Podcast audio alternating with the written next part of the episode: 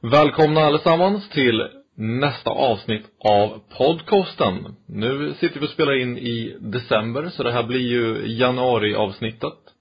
Där vi kommer gå igenom det senaste från december den här gången. Så att vi kommer prata om lite artiklar, lite studier.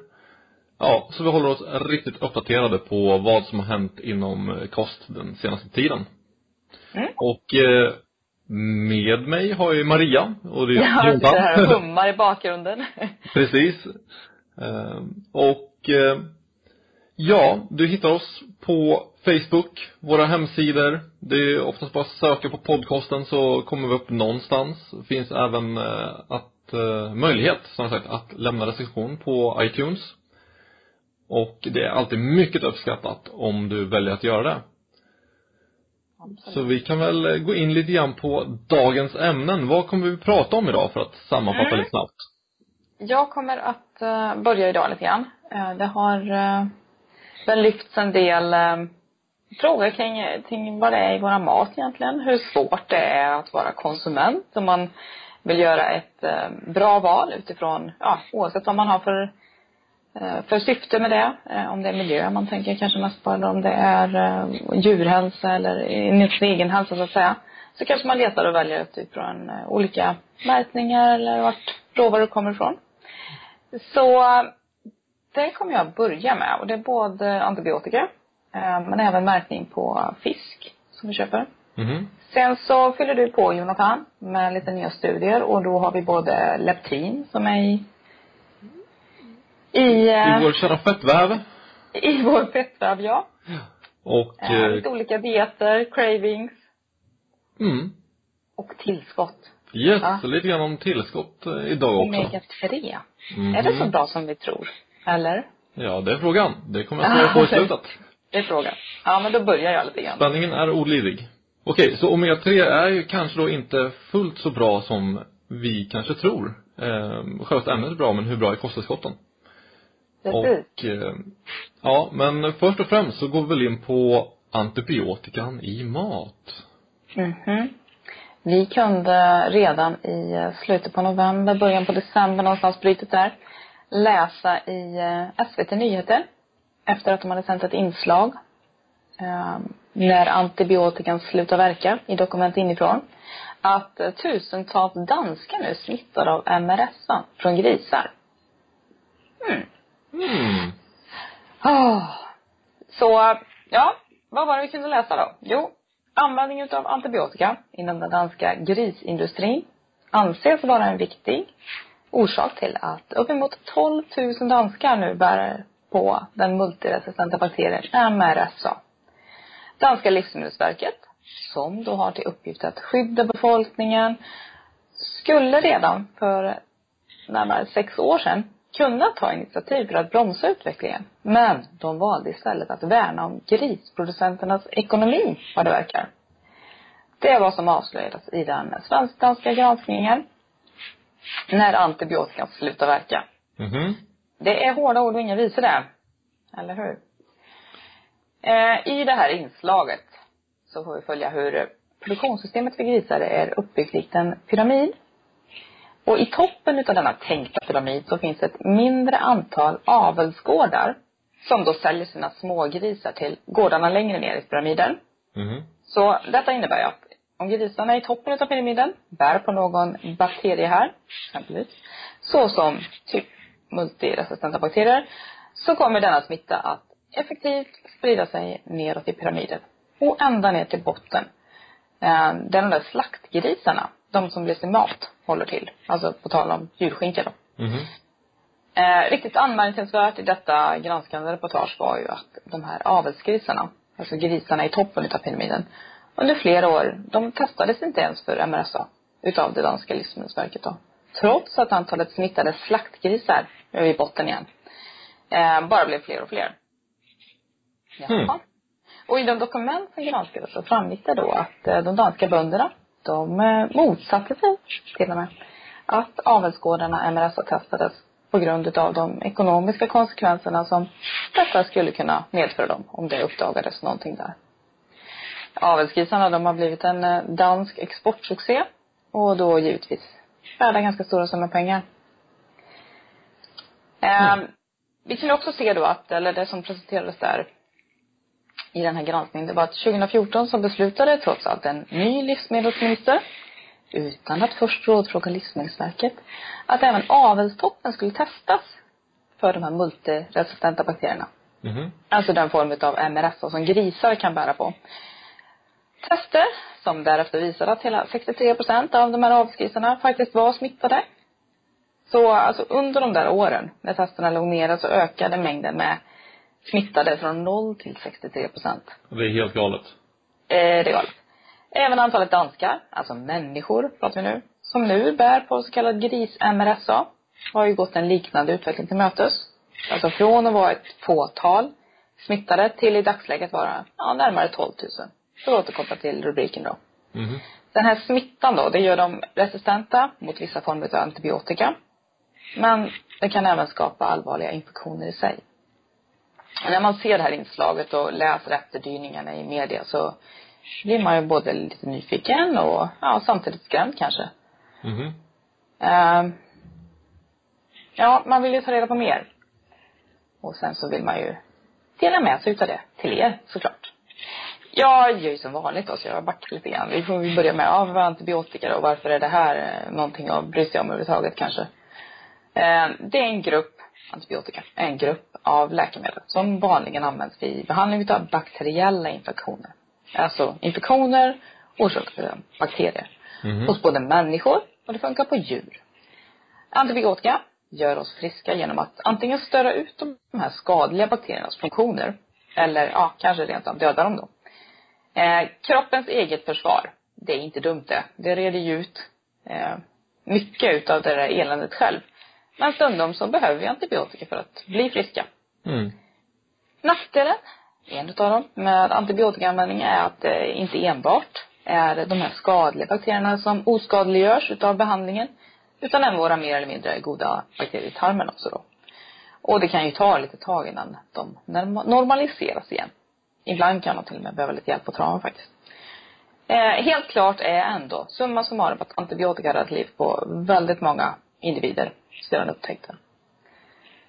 Eh, ja, som med mycket annat här i världen så upptäcktes den allra första antibiotikan, penicillinet, det har vi hört, utav en ren slump.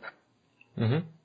Det var när forskarna insåg dess potential och lärde sig att rena fram det här penicillinet från den här mögelsvampen Ja. som det härstammar ifrån.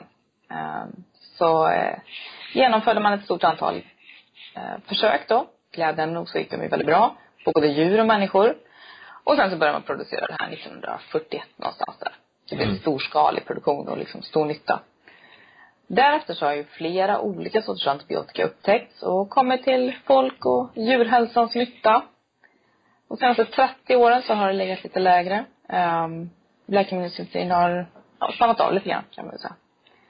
Men vad är problemet då? Vi har ju hittat liksom världens bästa medicin här. Kan vi inte bara ösa på? Nej. Nej. Nej, det kan vi inte. Eh, bakterier, de kan utveckla en motståndskraft, det vill säga resistens mot denna form av läkemedel. Det är ett smart och liksom fullt naturligt sätt för dem att anpassa sig till miljön. De ska ju också överleva, eller hur? Jajamensan. Eh, Denna motståndskraft, antibiotikaresistensen, ökar i takt med vår användning.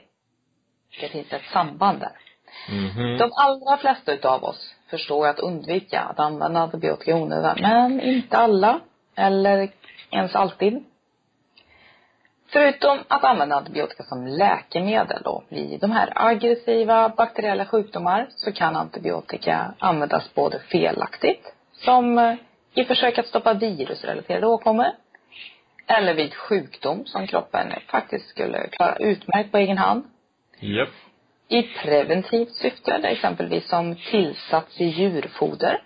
Galenskap. För då får de att växa lite fortare.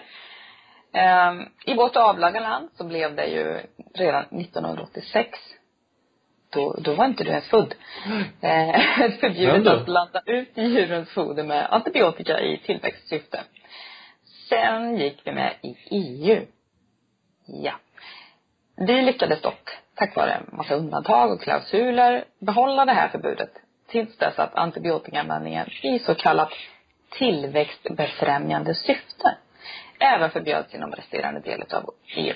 Och då var det 2006. Mhm. Tog lite tid. Med, ja, det tog lite tid. Men vi väntar ut då. Med en eh, utbredning utav antibiotikaresistens resistens, blir infektioner mycket, mycket svårare att behandla traditionellt. Eh, Det finns bakterier som är resistenta mot ett begränsat antal antibiotikum och bakterier som är multiresistenta. Hmm. Det vill säga, de är resistenta mot flera olika sorters antibiotika. Eh, De mer eller mindre resistenta bakterierna sprider sig, jajamän, på samma sätt som andra bakterier. Det kan alltså både överföras mellan människor, djur, i maten vi äter och i vår miljö faktiskt. Den vanligaste spridningsvägen för de här bakterierna är via kontakt mellan infekterad människa och djur. Mm. Med den utbredda handel och de resvanor som vi har idag så blir det ju en ganska effektiv spridning då. Inte bara lokalt utan även globalt. Mm. Och inte nog med det så kan de här bakterierna då sinsemellan byta resistens med varandra och på så vis bli än mer motståndskraftiga. Alltså den där rackarna har ju utvecklat en starkare, starkare överlevnadsstrategi än vad vi människor har i flera fall känns det. Ja, de eh, dör ju snabbt och lever snabbt. Så, här, så att det blir några mut- mutationer på kort tid. Eh, ja, precis. Precis. Eh, I Sverige då så är användningen av antibiotika till både djur och människor betydligt lägre. Eh, än om man jämför med många andra länder då. Mm. Jag har hittat en sammanställning över 2015 som visar att människor i Sverige använder närmare 60 ton antibiotika. Eh, motsvarande förbrukning till djur uppgick till 10 ton. Och tack då vare vår förhållandevis låga användning så har vi även mindre problem med antibiotikaresistens inom sjukvården. Men problematiken med svårbotade infektioner orsakade av multiresistenta bakterier, de ökar ju även här. Och inom den svenska grisproduktionen, och nu knyter tillbaka, då vi liksom lika oss grisar av någon anledning, eh, är MRSA väldigt ovanligt med enskilda kända fall. Däremot så har flera svenskar påträffats som bärare utav bakterierna. Och de här bärarna då, utav multiresistenta bakterier kan man vara. Man kan vara det utan att bli sjuk eller ens märka av det. Om man däremot får en infektion, om man insjuknar, Mhm. så kan ju den här infektionen bli betydligt svårare att behandla. Ja. Eh, smittan kan även spridas vidare till andra. Alltså svagare individer då, mer utsatta. Eh, som då skulle kunna insjukna. Eh, om vi tillbaka till den svenska djurhållningen så finns det en lång tradition av att arbeta förebyggande för att hålla djuren friska. För friska djur, de behöver ju generellt sett ingen antibiotika, eller hur? Nej. Det är vi liksom överens om. Eh, inom EU så är vi ledande inom begränsad användning av antibiotika till djur faktiskt, som hålls för livsmedelsproduktion. Men det är klart, det finns ju mer att göra. Eh, och det svenska arbetet för att bromsa den här utvecklingen har under väldigt många år redan fokuserat på att både förebygga vårdrelaterad smittspridning inom sjukhusmiljö, Mhm. eh, främja den korrekta tillämpningen. Vi försöker inte bota virussjukdomar med antibiotika. Men också god djurhållning. Jag menar, då hålls djuren friska och så behöver de ingen antibiotika. Så ger det fina det andra. Eh, men maten då? Ja, med slaktgrisarna. Det finns inom EU ett regelverk både kring hur mycket rester av antibiotika och andra läkemedel som får finnas i mat, givetvis. Och hur djur som behandlats med antibiotika, de sjuka djuren, ska hanteras därefter. Det vill säga produkterna och köttet och sådär. Mm. Enligt det svenska livsmedelsverket så är det mycket sällan som några resthalter utav antibiotika upptäcks i kött och mjölk när de här kontrollerna görs. Så det man, man ska inte behöva vara orolig för det. Eh, god renhållning i köket vid hantering utav mat. Eh, tillräckliga tillagningstemperaturer. Eh, minskar risken för smitta ifrån alla former av bakterier, även Mm. de här. Eh, för att minimera smittspridning i naturen så behöver vi förutom att minimera vår egen användning utav antibiotika, det Mm. vill säga större mängd utav den antibiotika vi äter, den kissar vi faktiskt ut och hamnar då i naturen.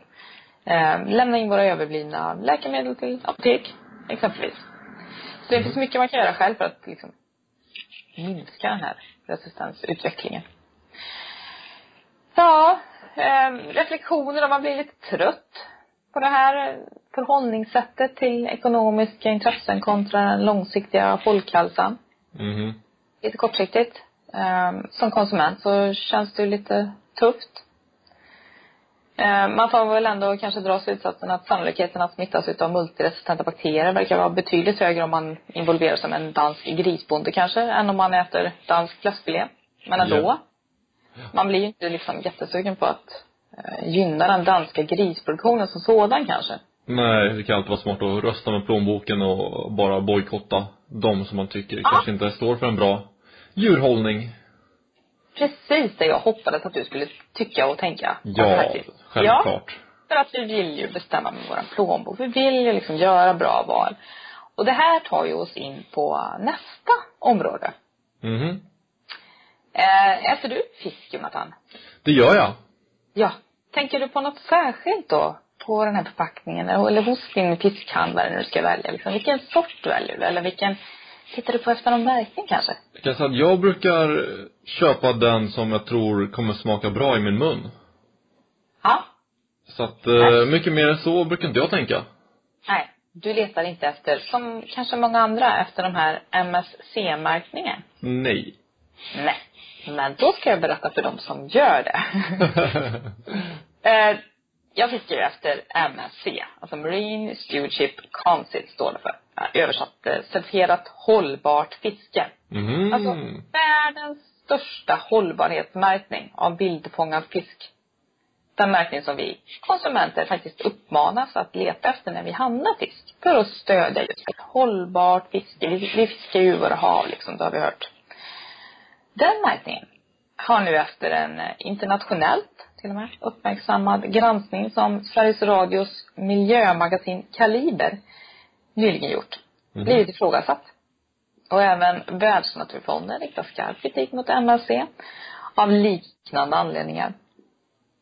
Enligt en tidigare hemlig rapport som nu har läckt ut. Mhm. Mhm. Det som ifrågasätts är då att är om MSCs, den här blå fisken, du, du kanske har sett den i alla fall även om du inte handlar Ja, jo, men den här, den här blåa, det ser ut att kunna vara någon sorts eh, blå lax som hoppar glatt i eh, ån, så att säga. Ja, den är väldigt glad den här fisken. Eh, det som ifrågasatts är ju då om den här MSC, den blå märkningen, verkligen är en garanti för att fisken är fiskad på ett schysst sätt. Det vill säga på hållbara bestånd, det tänker jag på i alla fall. Inte med Eh, dynamit alltså. Nej, men metoder som värnar om, om likväl havsmiljön som Mm. eh, det övriga livet i havet. Detta eftersom den MSC-märkta fisken i flera fall påvisades vara fiskad på just bestånd som antingen överfiskas idag eller från bestånd som forskare anser ohållbara. Alltså Mm. rena rama, raka motsatsen till vad MSC kanske vill hävda då. Ja, som konkreta exempel i det här inslaget så nämns bland annat att torsk på Nordsjön överfiskas, alltså att mer fisk fångas än den mängd som bedöms kunna reproduceras igen. Man tar Mhm. upp mer än vad som kommer tillbaka. Enligt eh, något internationellt havsforskningsråd då. I det här läckta dokumentet, det hemliga, som Världsnaturfonden enligt uppgift från Kalibro inte gärna vill kommentera Mm. eftersom det uppges vara ett internt arbetsdokument framgår det att certifiering i något fall skett även om det grundläggande, dokumentationen har saknats. Alltså trots att det är ett av villkoren för just certifiering. Mhm. Och att MSC antas ha egna ekonomiska intressen i att fisken faktiskt certifieras. Otippat. Att MSC tar betalt för själva certifieringen. Det kan man ju förstå. Alltså det tar ju tid för dem att åka ut och göra den här värderingen och, och revisionen. Ehm, ja, hur oberoende kan man egentligen vara när närmare 75 procent av intäkterna uppnås eh, på att man faktiskt tar betalt också för andelar för varje såld produkt som bär deras märkning. Så inte nog med att man ska betala för att fisket certifieras som så, utan man tar alltså dessutom betalt i andelar för varje såld produkt som det sitter den där lilla glada laxen på. Det är lite galet faktiskt. Och det är då 75 procent av intäkterna. Eh, det, det är ju kritik som man, ja det kanske inte är så att man blir lite partisk men, men Alltså man kan ju förstå att det blir en kritik emot det i alla fall. Mm. Ehm, ja, MSC svarar ju på den här kritiken givetvis. De motsäger sig att det skulle ligga något eget intresse i det. De har inga ekonomiska intressen i att eh, man certifierar sitt fiske enligt det här då. Mm. Och att det är ju faktiskt frivilligt att använda loggan efter certifiering. Jag tänkte själv, du fiskare, du betalar eh, miljoner för att liksom certifiera ditt fiske och sen så, nej men du behöver inte använda loggan eller? Det låter lite galet, men uh, ja. Det kanske händer. Det är ju frivilligt. Ja, lite reflektioner där. Um, som sagt, ponera att man är fiskare. Man har betalat en hel del pengar för att MSC skulle certifiera sitt fiske. Uh, och sen så skulle jag då vilja använda mig av märkningen för att visa det för mina konsumenter som faktiskt betalar lite mer för just den här fisken. Mm. Man känner sig lite lurad, gör man inte det? Man, naivt nog så tror man ju att den där fisken som bar MSCs märkning, den var liksom hållbar. Och hållbar för mig, det innefattar varken överfiske eller bottentrålning, som även visade sig förekomma liksom. Ja, nej, men det, det är lite grann som när någon berättar att tomten inte finns. Uh, ja. mer eller mindre. Känner sig snuvad, snuvad på någonting fint. Snuvad på karameller. Men man får ändå dra den här slutsatsen då, i allt det här, att den MSC-märkta fisken ska ju ändå vara mer hållbar, om vi lägger till ett orden, mm. än den som inte är märkt. Så vi uppmanas ju fortfarande att handla den här MSC-märkta fisken då. Och sen är det bra om den smakar bra också. Mm. Gjorde de någon jämförelse där mellan eh, omärkt och märkt? Jämförelse med? Alltså folk som väljer att inte använda sig av MSCs eh, bemärkning om man säger så. Uh, jag är inte med på vad du menar. Um, det, jag vet att... Det, det finns ju den fisk mm? som uh, kommer fiskas utan att fiskarna i sig ber om någon sorts certifiering eller försöker få något sorts godkännande. Kanske de om som faktiskt rent av håller på med sin uh, bottentrolling och allt det där. Tänkte ja. hur, om man vet hur stor skillnad det är mellan de som är omärkta eller ocertifierade jämte emot de som faktiskt har gått igenom den här märkningen som då verkar vara lite halvslafsig liksom. Ja, nej men precis. Um, de intervjuade faktiskt någon eh, fiskare där. Mm. Sen är det inte säkert att han är representativ för urvalet som sådan men ja, han hävdar ju att han fiskade exakt likadant mm. som han gjorde innan. Hade han inte gjort någon förändring då. Sen får det ju stå för honom vad det var och så vidare då men mm. men ja det blir lite urholkat liksom så. Ja, de tappar ju sitt förtroende. Som, ja, de tappar ju ansiktet lite grann då. Uh, ungefär som den här, eh, det här gröna nyckelhåret lite grann. Mm. Som skulle guida oss till lite mer hälsosamma val och sen så, ja, är det en massa socker i eller sådär. Så det, ja. Mm. Ja, det är kanske ett missförstånd med vad hållbar betyder som är grejen. Jag vet inte. Men eh, de fortsatte ju då, de här Kaliber, det här programmet, de nöjde sig inte med MSC-märkt fisk. Det finns även ASC-märkning. Mhm. Odlad lax. Eh, som miljömärks trots det här problemet då. Eh, ja. Eh, ASC, det står för Aquaculture Stewardship Council. Och är mm. motsvarigheten till MSC fast för odlad fisk. Så istället för den, den här blåa lilla glada laxen så har ASC en grönaktig, jag skulle nog säga turkos. Men den, okay. så en grön. Utav det här märket så framgår det att de märkta fiskarna och skaldjuren är ansvarsfullt odlade. Det är inte hållbara utan är ansvarsfullt odlade. Det låter ju skitbra. Det vill vi ha. Ansvarsfullt odlad mat. Men vid den här granskningen så framgick både problem med parasiten laxlus, som okay. förvisso även kan drabba vildlax, eh, och med att avföring och foder läcker ut i havet i sådana mängder att till och med liksom botten påverkas. De här angreppen av laxlös då, de kan i bestånden bli så allvarliga att fisken antingen dör av sig självt eller behöver avlivas. Mm. Dessutom kan fiskarna i de miljömärkta odlingarna matas med foder som innehåller vildfångad fisk. Från, mm. liksom som hårt överfiskas. Ja. Så enligt en marknadsföringschef på ASC så är man medveten om de här problemen men uppger att alla certifierade odlingar klarar ASCs krav då. Ja, så då blir man ju lite nyfiken på vad det är för krav egentligen då. Ja, jo. Eh, och det är inte bara jag som eh, kanske ifrågasätter det, utan det gjorde tydligen Naturskyddsföreningen också då, som menar att organisationer inte ställer miljökrav som är relevanta eller ens tillräckligt höga för att vara en påtaglig skillnad. Och det var ju den du fiskade lite efter också, den här skillnaden då. Precis. Mellan de odlingarna som är märkta och de som inte är det. Ja, här försöker man som konsument att göra bra val då för både människa, djur, miljö. Och jag betalar liksom gärna extra, men vad får jag liksom? Då vill man ju veta att det verkligen är ansvarsfullt eller hållbart. Ja. Det, det är liksom inte, ja. Det är lite urholkat. Lite Det är som eh, mycket annat. Man gör bäst att lära känna den lokala fiskaren och sen köpa direkt därifrån. Om man vill ha full Ja, koll. Annars är det så. svårt. Ja, Tyvärr. nej, jag har eh, god relation med min, min fiskbil. Ja, men du ser. Trevlig man. Ja, då, då är det, då är det under Ja, kontroll. det var väl allt. Ja, ja men det är det faktiskt.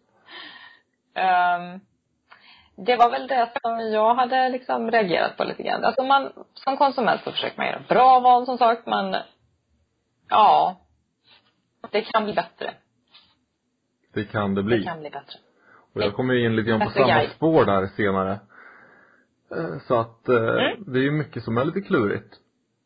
Men eh, innan vi går in på det som är lite små tråkigt som sagt, någon, när någon snuvar en på karamellen så tänkte jag prata om en liten eh, ihopskrivning om leptin. Leptin är ju ett av de kanske intressantaste ämnena i eh, kroppen idag, tycker jag, inom forskning. Då man eh, har ja, leptin, för er som inte vet då, är ett eh, hormon som släpps ut ur vår fettväv till största delen. Så desto mer fett man har på kroppen, desto mer leptin producerar man. Desto mindre fett du har på kroppen, desto mindre leptin kommer du producera. Och det här är för att eh, i stort sett skydda oss från svält. Eh, leptin är ett mättnadshormon. Så när vi har lite på kroppen så känner vi oss helt enkelt mindre mätta. Har vi mer på kroppen ska vi känna oss mer mätta. Då kanske man frågar sig, hur kommer det sig att vi ändå har så otroligt mycket folk som är väldigt feta? Och det är att vissa har en tendens att bli lite resistenta mot leptinet. Så att man eh, känner inte av dess effekt på samma nivå som man kanske borde göra. Det är precis som med insulin hos eh, typ 2-diabetiker att eh, man eh, reagerar inte lika snabbt på det tills eh, ja, där börjar ju vissa celler dö, det har man inte sett här i leptinet. Men just det här var- Resistens alltså igen. Ja. Mer resistens, och det är inget kul.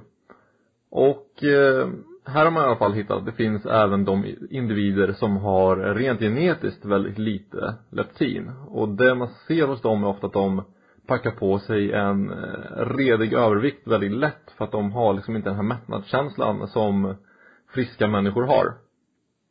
Så det är ett jättestort problem. En pusselbit i, i mättnadssignaleringen där. Precis. Så vad man har gjort där är att man har experimenterat lite grann med vad som händer om man faktiskt ger dem leptin som medicin. Och där ser man att man nästan helt kan eh, helt enkelt eh, medicinera bort deras eh, problem med leptinbrist. Så att genom att tillföra leptin till någon som då har en brist på det så kan man skapa en frisk, eh, frisk eh, liksom viktbalans, eh, mättnadskänsla. Det gör också att man förbränner mer när man rör sig, när man har en bra nivå av leptin. Det vill säga, har du låga nivåer av leptin i kroppen så blir din kropp mer ekonomisk när det kommer till rörelse och man förbränner mindre kalorier genom sin rörelse. Det vill säga att när du rör din arm tre gånger så kommer du förbränna mindre än om du hade haft bra leptinnivåer och rör den tre gånger. Så att man blir helt enkelt liksom smartare och mer konservativ i sitt, ja, i sin, i sin rörelse mer eller mindre. Mm. Det som fortfarande är lite svårt är att folk som är resistenta mot leptin tycks då inte få samma effekt av tillsatt extra leptin då det är liksom, ja, de är känsliga Nej. mot det. Så är man frisk men är överviktig så tycks det Mm. inte vara fullt så effektivt att tillsätta mer leptin för att öka mättnadskänslan. Eh, Nej. utan då kanske man behöver använda en eh, kombination av olika ämnen och eh, mediciner för att få en eh, viss förbättring där. Men även där kan man se en liten förbättring. Så det, det är väldigt intressant och det kommer vara intressant att se hur vi använder oss av leptin i framtiden. Just nu så tror jag inte det är så mycket som används då det är ganska nytt och fräscht egentligen hur man, hur man ser och tänker kring det. Men Det ska väl till några fler studier innan det kan bli något. Precis, vi har ju bara forskat på leptin tror jag sen, sen runt 95 har jag för mig. Eh, Mm. Så det är gan- ganska så nytt och fräscht fortfarande. Eh, Men ett mycket intressant fält tycker jag och eh, det hjälper till att förklara väldigt mycket om varför man har underövervikt i många situationer. Mm. Så att, eh, ja, det är väl det egentligen att vi kanske kan börja använda oss av det som medicin, vilket jag eh, ser fram emot. Det ska bli spännande att se. Mm. Man fyller på en brist helt enkelt och så återställer man de eh, tänkta funktionerna. Precis, det kommer hjälpa, det kommer hjälpa dem med brist. Och de med brist har ofta svårt liksom att få barn och kan ha vissa problem där. Så att det kan vara, Mm. det kan vara väldigt, eh, kan öka deras livskvalitet väsentligt. Och upptäcker man det tidigt så kanske man till och med kan motverka att de blir överviktiga överhuvudtaget då. Precis. Det Eh, vore det allra bästa. Mm. Ja, jo men det kommer man troligtvis kunna göra. Om man Mm. eh, bara kan göra rätt tester liksom, så är det lättåtgärdat. Eh, Ja. Ja, och eh, nästa studie jag tänkte prata lite grann om det är här med fysisk aktivitet och eh, viktkontroll. Och eh, det här är ju kanske inte allt förvånande men det har ju varit vissa studier som har pekat på att fysisk aktivitet i sig inte gör jättemycket för att eh, hjälpa till med viktuppgång eller viktnedgång. Då man ofta kompenserar genom att till exempel äta mer eller mindre om man eh, förändrar det här. Ja. Men i den senaste lilla studien här så såg man att eh, man följde upp två, alltså folk över två år. Så Mm. Det är kolla på ganska lång tid. Två år är ganska lång Det är tid. ganska, ja men i studiesammanhang så är det ju ganska så långt, eller? Mm, absolut. Eh, så det är en långtidsstudie. Och eh, så kollar man på deras eh, förbränning och deras eh, dagliga intag av kalorier. Och man kunde se att deras förbränning och eh, dagliga intag inte förändrades så mycket över två år. De flesta höll också samma vikt över två år. Men det fanns de som gick ner 5% eller mer av sin kroppsvikt och det fanns de som gick upp 5% eller mer av sin kroppsvikt. Och en av de stora skillnaderna man såg på de här viktnedgångs och viktuppgångsgrupperna var att de som hade gått ner 35, äh, eller de som hade gått ner 5% eller mer Mm. av sin kroppsvikt rörde sig i snitt 35% mer under en hårdare träningsform, alltså inte en promenad utan antingen liksom en jogg eller hårdare Mm. som ökar sin eh, tänkta och planerade träning med 35% i snitt. De Medan- fick ut mer. Ja, och de som hade gått upp i vikt hade dragit ner sin träning och aktivitet. Eh, och hade framförallt mer stillasittande i sina dagar. Så att, eh, ja vad det pekar på är ändå att fysisk aktivitet är en viktig del i vår viktreglering. Eh, även om man har sett då tidigare studier som kanske pekar på att det inte är en så stor del av det. Så det är lite så här konfliktande evidens egentligen. Vad man väljer att ta till av det eller ta till sig av det är lite upp till var och en då det finns ändå de studier som pekar på att det inte skulle vara en så viktig del. Men eh, jag har inte sett så många studier som är, sträcker sig över två år. Och det man inte får glömma heller är ju att ofta så görs ju de här viktnedgångsförsöken görs ju ofta under en eh, kortare period. Så att, Mm.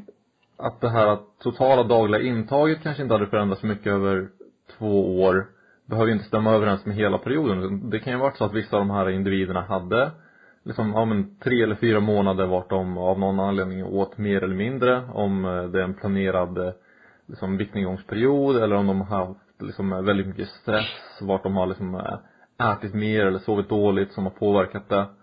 Eh, Så är det ju det, sånt kommer inte synas på samma sätt eh, efter två år. Som när man kollar liksom en kortare period. Men overall så verkar det som att liksom, det skedde inte så mycket förändring på varken intag eller eh, förbränning genom träning över de två åren. Men det, jag tänker, det är ju ändå det som gör det hela eh, ganska så svårt med studier på människor just för att vi är ju ganska så komplexa. Eh, Absolut. Och i studier så kan man inte göra så när man gör med, med djur att man liksom isolerar dem, att man tittar på enskilda saker, att man liksom behandlar dem på ett visst sätt, att man verkligen får fram det ena eller det andra då. Inte under för lång tid i alla fall. Då blir det ofta ganska omoraliskt. Nej, Men eh, precis. vi har ju några gamla goda studier från 70 och 80-talet som var lite tveksamma. Som man kan gå på fortfarande. Eh, Men eh, ja. annars får man bara ta och försöka pussla ihop alla de här bitarna och eh, förr eller senare så får man en tydligare och tydligare bild. Men det är ju sällan att man får ett eh, Ja. simpelt, klockrent svar på alla frågor. Eh, det är väl det man har bibeln till eller någonting i sig. Mhm. Eh, Men det var väl det om den och sen kom det ut en studie som kanske inte var den mest förvånande av dem alla. Men jag tänkte att jag kan nämna den ändå. Och då kollar man på food cravings. Man gav folk ett formulär. Varpå man lät dem svara och för att se liksom hur de upplevde sig ha problem med eh, food cravings och eh, att de inte kan låta bli att belöna sig själva med en eh, någon sorts bit mat som de vet att de inte borde äta i egentligen. Mm. Och då kollar man på då, hur stora problem de upplever sig själv ha med det här och sen så lät man dem dieta över sex månader.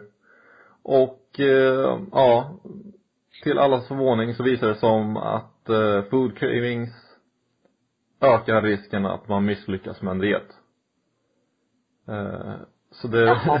Mm. inte helt otippat. Så, Jaha, du menar att eh, oförmåga att hålla sig till dieten ökar alltså risken att misslyckas.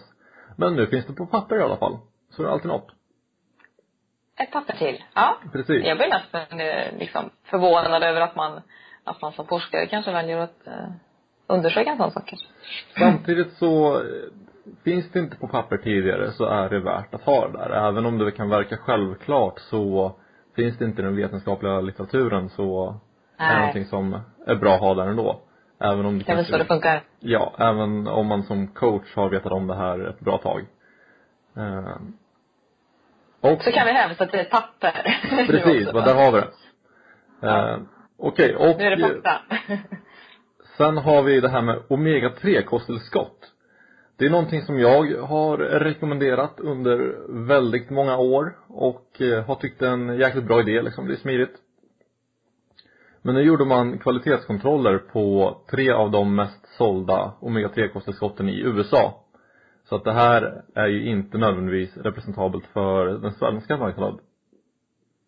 Men när man testade de här så visade det sig att de innehåll, eh, de innehöll 33 till 70% omega-3. Det vill säga de innehöll väldigt mycket mindre omega-3 fettsyror än vad de egentligen borde göra. Man skulle ju gärna vilja se dem där som i alla fall 90% plus tycker jag. Till 3% det är ju, Ja, det är ju ett jävla skräll.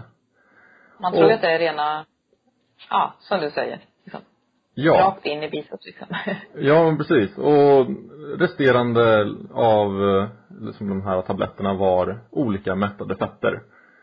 Vi- Vilka mättade fetter tänker jag inte gå in på för att det är bara detaljer. Eh, Men i alla fall, det var sånt som man kanske inte vill ha i sig. Och en del av den här omega-3 i de här tabletterna var också oxiderad. Eh, Jaha vilket är någonting som man väldigt sällan eh, vill ha i sig. Så på så sätt så kanske vissa av de här tillskotten inte bara inte var bra för en utan de kanske även kan vara ohälsosamma för en. Mm. Eh, Så då hade man kanske klarat sig bättre utan att ta dessa kosttillskott än genom att ta dem. Så det är ju ganska tråkigt att se det, att det är en så eh, liksom, fattig kvalitet på dem. Och att kontrollera kvaliteten på sina omega-3-kosttillskott är ju även omöjligt att göra i hemmet, mer eller mindre. Eller hur? För att det är omöjligt att säga. Det, bara för att det är dyrt betyder inte att det är vad det är. Bara för att det är billigt betyder inte att det är dåligt. Eh, Det kan vara alla möjliga olika sorters loggor på de här förpackningarna. Och det kommer inte vara någon garanti för att det är 100% som de säger eller så. Eh, Vilket är rätt Nej. tråkigt. Ja, våra kosttillskott oavsett vad det är för, om det är vitaminer eller pulver eller ja, Mm. gud så, så kontrolleras ju inte det alls på samma sätt som eh, exempelvis eh, ja, eh, antibiotika i, i en råvara så att säga. Precis. Så det är inte alls samma kontrollsystem kring de här. Nej.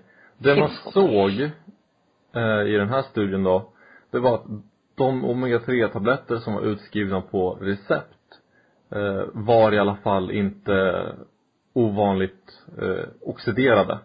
Utan de höll i alla fall standarden där. Kosttillskotten höll Mm. en mycket sämre nivå av oxidation än vad som egentligen är tillåtet. Så de borde inte fått säljas överhuvudtaget. Eh, men ett litet tips som man kan ta till sig i alla fall om man är lite nojig över sina omega-3 tabletter kan ju vara att eh, krossa en tablett till och från och lukta på den och se om den bara luktar så här, ja men fiskoljeäckligt så den inte även luktar härsk, alltså så härskeräckligt. Mm, precis. att eh, omega-3 tabletter kan härskna om de är för gamla och då kan man ju garantera att de inte kommer vara bra för den. Mm. Så ta en tablett till och från, krossa den och lukta och se om det luktar extra vidrigt. Eh, och bevara alltid de tabletter ni har i kylskåp så de faktiskt eh, härsknar långsammare. Mm. Sen hur länge ett tillskott har stått liksom i en lagerlokal eller på en hylla är omöjligt att säga och går inte att kontrollera. Men eh, Nej, de är väl märkta med bäst före datum antar jag, men det är ju frågan om man kan lita på det kanske i alla lägen. precis, det är ju svårt. Har de stått i solljus till exempel eller i en varm lokal Ja. kommer de ju troligtvis härskna långt innan dess. Ja. Ehm, så det är väl det. Och det kanske är bättre att käka fisk trots att dessa loggor eh, inte riktigt stämmer om man det är som man vill ha i sig bra omega-3 för att eh, ja, den här liksom studien kring eh, den usla kvaliteten i kosttillskotten vänder ju min lilla omega-3-värde upp och ner i Mm. alla fall. Men förhoppningsvis har man fått i sig mycket nu med julmaten och allting sånt att man har som att klara sig Det står det ett tag.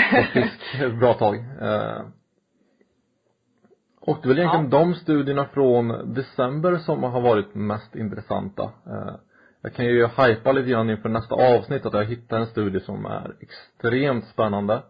Men som jag måste djupdyka mycket mer i innan jag känner att jag kan kommentera något kring den. För att eh, de resultaten i den var i stort sett ganska banbrytande från vad jag tidigare sett. Eh, Mm. Så det krävs lite mer av en djupdykning innan man kan eh, acceptera dem, tycker jag i alla fall. Ja, nej men det är spännande.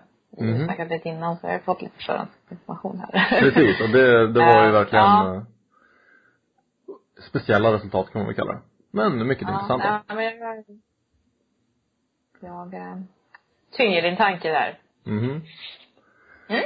Ja men jag tyckte vi har väl, eh, du knöt ihop det snyggt där med fisken. Eller hur?